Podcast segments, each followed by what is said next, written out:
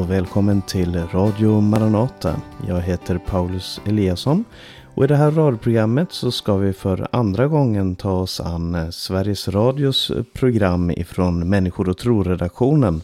Eh, programmet som heter Som fan läser Bibeln som är en, eh, läs, en bokcirkel där de samtalar om just Bibeln. Och jag tyckte att det här programmet har varit så pass intressant att jag vill göra några kommentarer runt det som blir sagt i det här programmet. Och det ska vi tala om idag. För två veckor sedan så kommenterade jag det första programmet eh, i den här serien. Ehm, och den här gången så är det programmet ifrån 8 juni som eh, jag ska eh, ta några klipp ifrån och vi ska kommentera lite grann. Programledare för det här programmet det är Tella Jonsson och Lollo Kolmar. Teologen som de har med sig som är en slags expertkommentator, höll jag på att säga. Det är Thomas Kasen som eh, eh, också är eh, pastor. Och gäst i det här programmet är Sara Parkman som är dotter till en präst och artist. Och programmet började med ett samtal om predikaren och jag skulle vilja rekommendera att du lyssnar på det här samtalet om du har möjlighet, om du är intresserad av eh, de här perspektiven. Själv så tycker jag att predikaren är en otroligt intressant bok och jag menar att jag också har gjort en presentation av predikaren i eh, Radio Maranata i serien En nyckel till. Och har jag inte gjort det så kommer den helt säkert ganska snart. Ehm, men jag tycker att predikan är otroligt intressant. Men vi ska inte fastna vid det de talade om där. För där och även om jag har mycket jag skulle vilja säga om det så, så var det inte så mycket som jag var oenig i eller som jag tyckte behövde läggas till där. Men vi ska se lite på den andra delen av det här samtalet. För att eh, då utgick de ifrån Jesu ord i bergspredikan eh, där Jesus talar om att vända andra kinden till och inte hämnas ondskan. Ni har hört att det är sagt öga för öga och tand för tand. Men jag säger er, och så kommer Jesu ord då om att eh, inte hämnas, om att inte eh, eh, hämnas en oförrätt, utan om någon slår dig på den ena kinden, så vänd då den andra mot honom. Om någon ber dig om att gå en mil med honom, så gå två mil med honom, eh, och så vidare. Och eh, det här ifrån ett mänskligt perspektiv, eh, man säger om man betraktar Jesus som en filosof eller som en god tänkare så kan man ju diskutera det här. Hur klokt är det egentligen? Hur ska, ska man leva på det sättet? Kan man leva på det sättet? Men de började det här samtalet att tala om krig och ondska eh, kontra Jesu budskap och som de sa kombon av gamla och nya testamentet och gamla testamentets eh, presentation av Gud mot Jesu ord. Och vi ska lyssna till det första klippet i, från det här programmet. Eh, men, men det har ju definitivt fått fäste i, i modernt tänkande på något sätt, tänker jag i alla fall. Alltså, föreställningen om att människan var mycket mer barbarisk för länge sedan. Ja. Och nu ska vi gå vidare och, och, och eh, bemöta varandra på ett schysstare sätt. Visst, och det är klart att det sker ju olika typer av utveckling under mänsklighetens historia, men att ställa gamla testamentet mot nya testamentet så här, det är inte schysst. Eh, och det, det görs ofta från kristet håll för att på något vis framhäva eh, den kristna trons eller Jesus överlägsenhet över, över då, eh, hans tradition. Men sanningen är ju ja, Man kan att, till och med använda ordet sådär, eh, att någonting är gammaltestamentligt, ja, ja. när det är sådär eh, hårt. Och... Precis.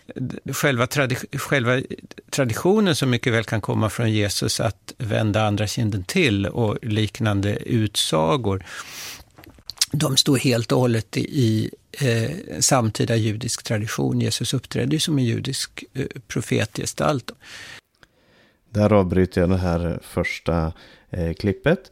Eh, och jag tycker det var intressant det som blev sagt här och jag är faktiskt ganska enig i det när jag säger att eh, kristna försöker undkomma eh, gamla testamentet och sätta upp Jesus som en kontrast eh, till gamla testamentet. Och jag eh, det stämmer nog ofta att man försöker presentera Gamla Testamentets Gud som en hård och, och eh, oförsonlig Gud. Medan eh, Nya Testamentets Jesus har en lite mjukare inställning. Och det här är det som händer när man eh, läser Bibeln väldigt ytligt. Och det kanske är så att du som lyssnar på det här programmet har ställt dig själv den här frågan. Men finns det inte en motsägelse mellan gamla och nya testamentet? Och den här tanken, den, den är inte ny, utan den fanns redan i ganska snar tid efter Jesu och apostlarnas tid. På hundratalet, mitten på hundratalet efter Kristus, då uppkom det som senare har kommit att kallas gnosticismen och markianismen och, och flera andra rörelser som försökte Ehm, eh, placera Gamla testamentets gud som en ond gud, som mat materiens gud. Medan då Nya testamentets gud var en god gud som var den andlige guden. Och eftersom det här är en fråga som ofta kommer tillbaka så skulle jag vilja säga så, för det första så här. När man studerar Gamla Testamentet och Nya Testamentet så ser man att det finns en fascinerande harmoni i, eh, i hur de talar om Gud. Det, det, är inte en ny gud som presenteras. Det är inte en, eh, en gud som, som har eh, var vred tidigare och nu inte är det. Eh, det är inte en gud som eh, uppträdde på ett sätt innan och som senare inte gör det. Va, va, men vad kommer då det här ifrån? Ja, om man hade frågat Jesus så hade han absolut protesterat vilt om någon skulle säga att han kom för att de inte göra gamla testamentet. För det första hade han nog inte förstått vad han menar med gamla testamentet. Han talade om skriften. För honom var det skriften. Uttrycket gamla och nya testamentet det är någonting som eh, uppstår i efterbiblisk tid. Jag tror det är Tertullianus på eh, eh, några decennier senare som är den första som talar om gamla och nya testamentet. Men eh, det vanliga sättet som man talade om skrifterna, det var man sa de heliga skrifterna eller eh, Moses, lagen, profeterna och skrifterna. Eh, judarna talar fortfarande idag om Tanach. Men det är ett sidospår som jag inte skulle tala om nu. Men Jesus hade absolut protesterat vilt om någon skulle komma och säga att han har kommit för att omintetgöra skriften. Han säger det motsatta. Jag har inte kommit för att omintetgöra lagen. Men han hade kommit för att uppfylla lagen. Och när någonting blir uppfyllt, när någonting blir fullbordat, så får saker och ting ett annat perspektiv. Men de förstörs inte. Utan de får, de kommer på sin rätta plats. De används på sitt rätta sätt och de, de får sin rätta position. Och saker och ting kan förändra sin roll utifrån eh, när till exempel om, om en person regerar som ställföreträdare för någon så har hans ord en makt och hans ord har en betydelse. Men om den personen som faktiskt regerar kommer tillbaka så får ställföreträdaren en annan position och en annan, eh, en annan det uppstår en annan balans. Och på många sätt så är det så när, när Jesus kommer, därför att det han gör, och framförallt det han gör då han dog och uppstod, det satte saker och ting i ett nytt perspektiv. För att man kan säga som så här att alla apostlarna som då följde Jesus, aposteln Paulus, Petrus och de andra som vi har bevarade skrifter ifrån, de hämtade sin kunskap ifrån Gamla Testamentet. Det var deras lärobok, det var där de lärde sig vem Gud var. Men det var inte deras enda kunskapskälla, utan de hämtade också sin kunskap ifrån det faktum att Jesus var uppstånden. Och det är uppfyllelsen av Gamla Testamentets löften. Det är, eh, det är uppfyllelsen av allt det som hade talats om innan. Men det satte också saker och ting i ett gudomligt perspektiv. Helt plötsligt så förstod man vad var det Gud menade när han gjorde det han gjorde.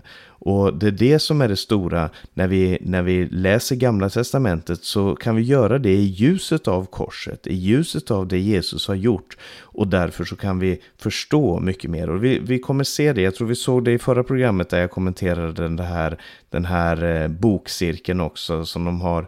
Eh, att tron på Jesu eh, döda uppståndelse som historiska händelser eh, och som också uppfyllelse av eh, gudom, eh, Guds plan, det förändrar allt.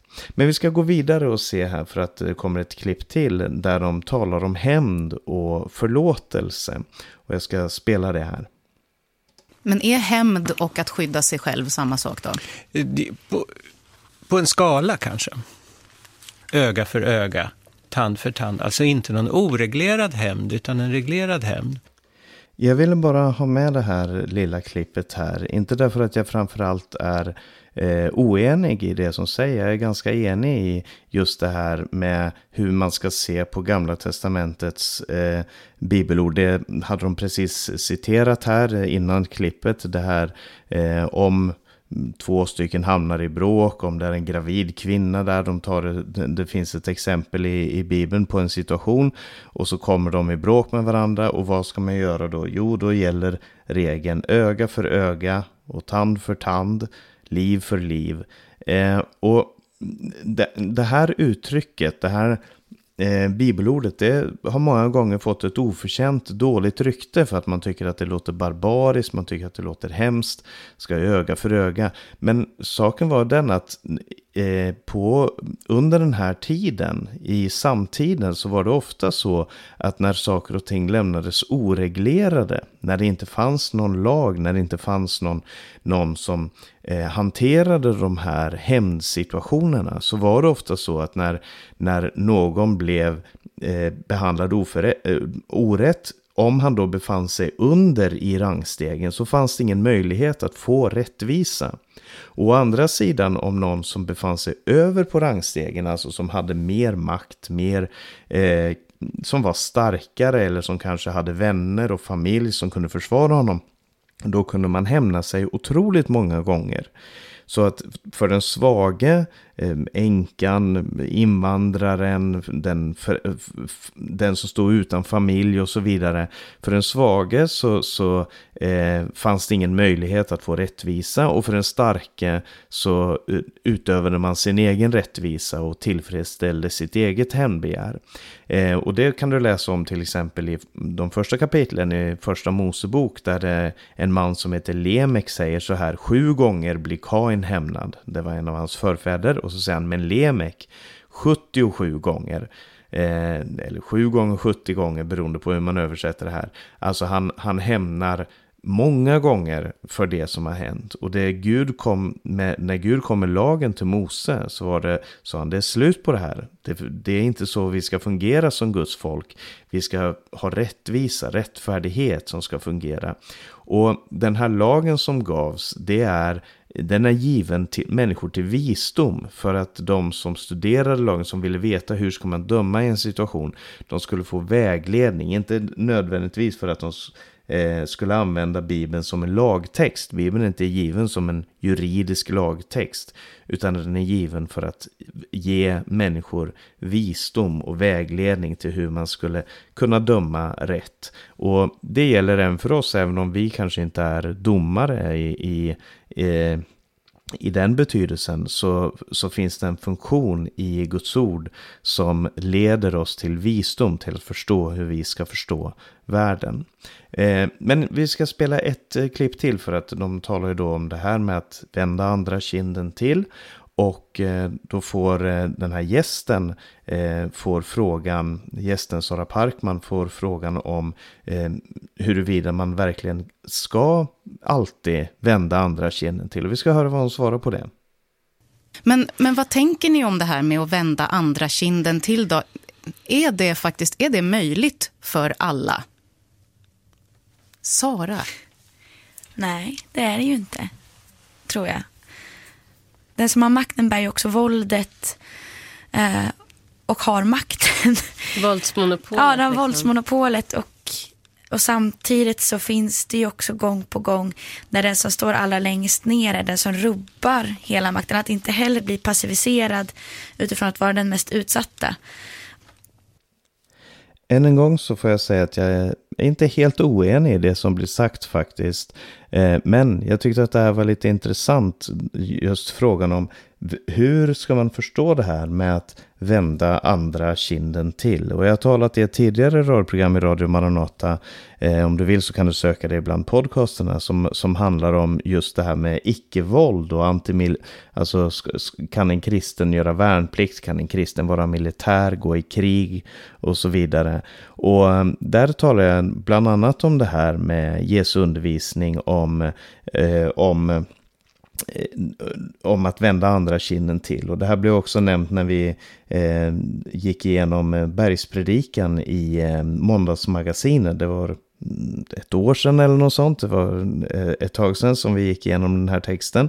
Men vi tog då den här texten ifrån bergspredikan och min kommentar till Jesu undervisning det är att Jesus är ju inte naiv när han talar om att vända andra kinden till han, är inte, han vet att människorna som lyssnar på honom, det är svaga, eh, enkla människor, de stilla i landet om du vill, de människorna som inte hade makt. Och Så han uppmanar människor. Och du, du, kan, du kan ju säga, men vad är det för någonting? Borde inte Jesus ha, ha uppmanat de här människorna att verkligen göra motstånd, att verkligen revolutionera, att verkligen eh, trycka till sina, sina förtryckare och så vidare. Eh, och det finns ju många revolutioner genom mänsklighetens historia som verkligen har agerat på ett annat sätt än det som Jesus propagerade för. Eh, som verkligen har gått till våldsamt motstånd. Och man kan jämföra, alltså å ena sidan så kan vi jämföra statistiken. Hur stod sig Gandhi och, och Martin Luther King, de här stora icke-vålds eh, eh, revolutionärerna om du vill. Hur står sig de mot andra eh, mer våldsamma revolutioner och våldsamma uppror? Eh, du kan tala om, om den franska eller den ryska revolutionen. Eller du kan tala om sådana politiska, nyare politiska rörelser som, eh, som Nelson Mandelas kamp i Sydafrika och så vidare. Och man kan jämföra dem statistiskt. Och jag tror, om jag har förstått saken rätt och de, eh, de undersökelser som jag lyckas läsa mig till så eh, är det helt klart så att icke-våldsrörelser eh, klarar sig mycket bättre. De, de har större framgång eh, politiskt, socialt, kulturellt, vad det, vad det nu än kan handla om för område som man rör sig på. Och vi kan ju tala om i vår tid, eh, i nyheterna så läser man om de här eh, protesterna mot, mot, eh, som gäller klimatet, protester mot, mot eh, överkonsumtionen och så vidare. Och vad som, eh, det finns så många olika sätt som, som människor idag försöker då väcka eh, människors samvete och människors eh, Eh, förståelse av hur vi ska hantera den här klimatkrisen. Eh, och det väcker då olika reaktioner när man, när man limmar fast sig på en motorväg eller man eh, förstör bilar eller vad det nu kan, än kan handla om. Så, så finns det i Jesu undervisning en, en vägledning för den som vill göra en protest som är annorlunda. För Jesus är inte en maktmänniska i den situationen där han talar. Han talar inte själv som en maktmänniska, det kommer vi se mer på, men han talar också till människor som är svaga och så säger han, ni har en möjlighet och den möjligheten ursäkta mig, den möjligheten är inte bara att resa sig upp och börja eh, kriga och ta till svärd, utan den möjligheten är att, eh, är att möta med någonting annat än våldsamheter. Och hur skulle världen se ut om man inte hämnades med våld utan man valde den svåra, den trögare, den, den svår, mycket, mycket svårare vägen att välja andra sätt att bemöta eh, våldsamheter på, att bemöta orättfärdigheter på och så vidare. Det är den frågan som Jesus ställer. Och det ska ju sägas igen, icke-våld betyder inte passivitet. Det här har jag fått höra efter programmet som jag hade sist eh, och haft kom kommentarer och samtal med människor som Framförallt med de som inte tror, men även med kristna som har sagt, ja men ska man bara vara helt passiv då? Ska man inte göra någonting? Ska man, ska man säga nej och, och bara låta andra köra över en, använda den som dörrmatta? Och det är absolut inte Jesu tanke, utan icke-våld är inte passivitet, utan det är att ta ett beslut om att inte bemöta våld med våld. Att inte gå den här eskaleringsvägen utan att alltid söka efter en annan utväg. Eh, hur det nu än tar sig uttryck. Jag, jag har väldigt sällan varit i situationen att någon har slagit mig på ena kinden. Eh, så att jag har fått möjlighet att bokstavligt bemöta det här med att vända andra kinden till. Men men eh, det handlar om ett beslut som sagt att inte betala med våld. Och Jesu död och uppståndelse är det som sätter ljus på bergspredikan. Eh, Jesus vann seger själv genom Eh, att gå den här vägen som han själv predikade. Han var inte en man som först sa vänd andra kinden till och sen svarade med våld när han själv utsattes för en liknande situation.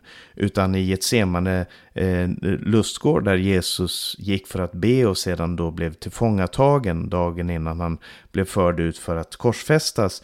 Eh, så i, i ett semane hage där eh, hans egen lärjunge Petrus ville möta den här, eh, de här soldaterna som kom för att arrestera honom, ville möta dem med våld och Jesus vägrade. Han tillrättavisade eh, Petrus och han helade den mannen som Petrus redan hade skadat.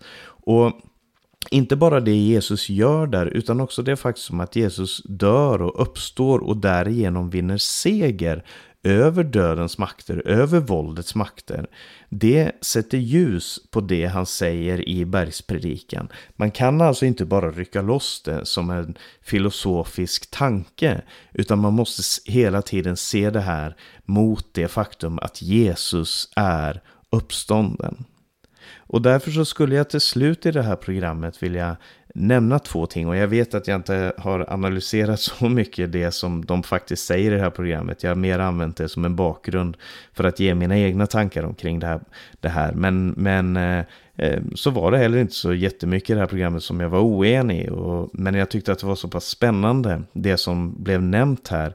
Eh, och saker, det är saker och ting som berör mig väldigt djupt så att jag vill ändå ta med det här. Och så skulle jag vilja påpeka två saker som ger en troende ett annat perspektiv än den filosoferande.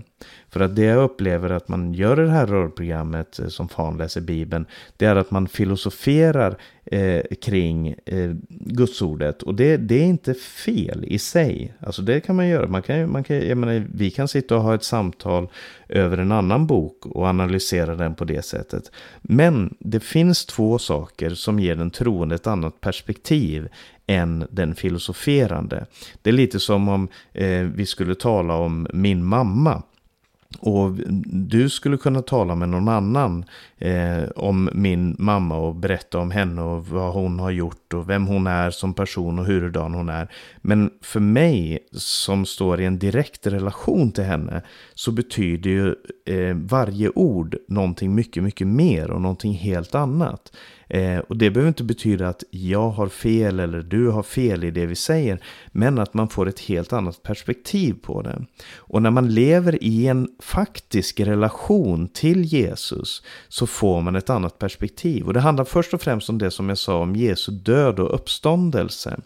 Eh, och, och, att man, vi tror att Jesus faktiskt dog för våra synder och att han tre dagar senare faktiskt uppstod från de döda som, som Guds plan för att vinna ett folk, för att befria ett folk åt Jesus Kristus. Och om man tror på det här så förändrar det allt. Alltså, det är det som gör att apostlarna går ut och talar. Det är det som gör att eh, de första församlingarna grundläggs. Att de att de står emot förföljelse som de möter, att de, att de står emot falska läror som dyker upp och så vidare.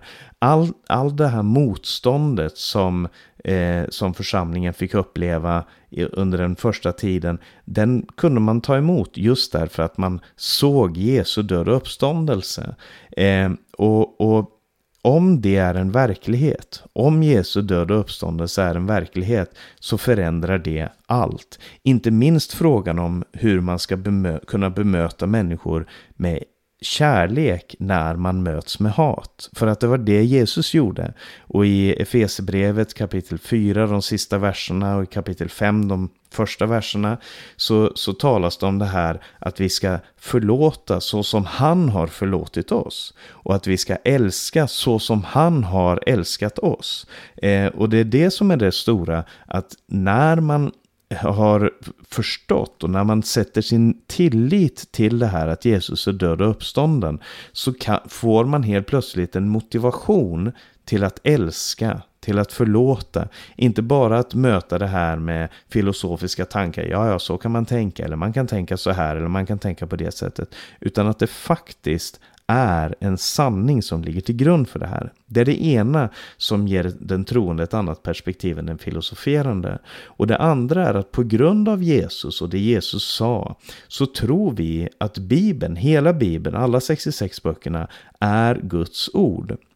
Och därför är Bibeln förpliktande och inte bara ett förslag och inte bara ett inlägg i debatten. Och det här betyder inte att vi som troende slutar att tänka och argumentera och, och fundera över skriften och, och eh, kämpa med den och, och, och strida med de här frågorna. Utan det betyder att vi erkänner att Gud finns i samtalet och att Gud är aktiv i samtalet. Och det är han genom sitt ord.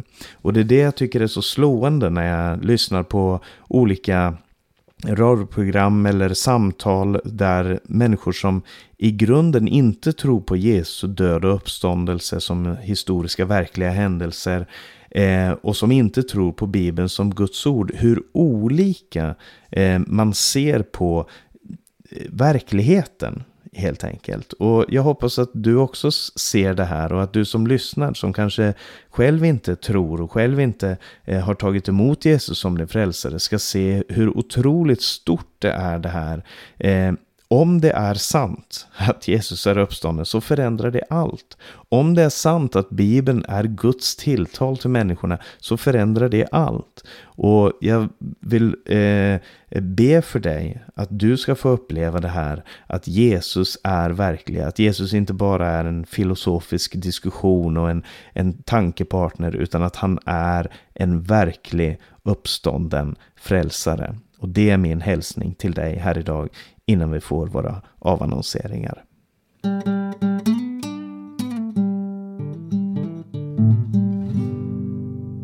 Vi ska alldeles strax lyssna till en sång men först ska jag ge lite information för du har hört en podcast ifrån Radio Maranata med mig, Paulus Eliasson. Och det här programmet har sänds över Stockholms närradio 88 MHz och Örebro närradio 95,3 MHz. Sprid gärna programmen till andra också om du finner det intressant. Om du har några frågor eller kommentarer så kan du skicka en e-post till info.maranata.se eller ringa 070-201 60 20. Du kan gå in på hemsidan maranata.se där du kan eh, läsa tidningen Minasropet som just har kommit ut med ett nytt nummer bland annat. Sprid Guds välsignelse till alla du möter. Vi hörs igen om en vecka. Frälst en gång vid himlens ljus så tonar sangen från ditt brus. Känner du den ej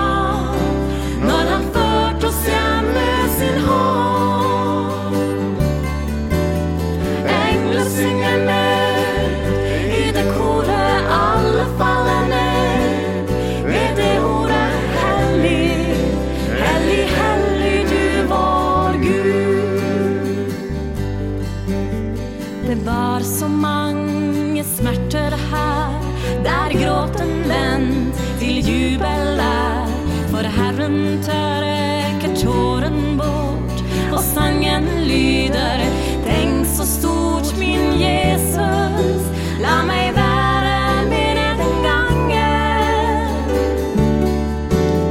Inget ögonblick räddningslag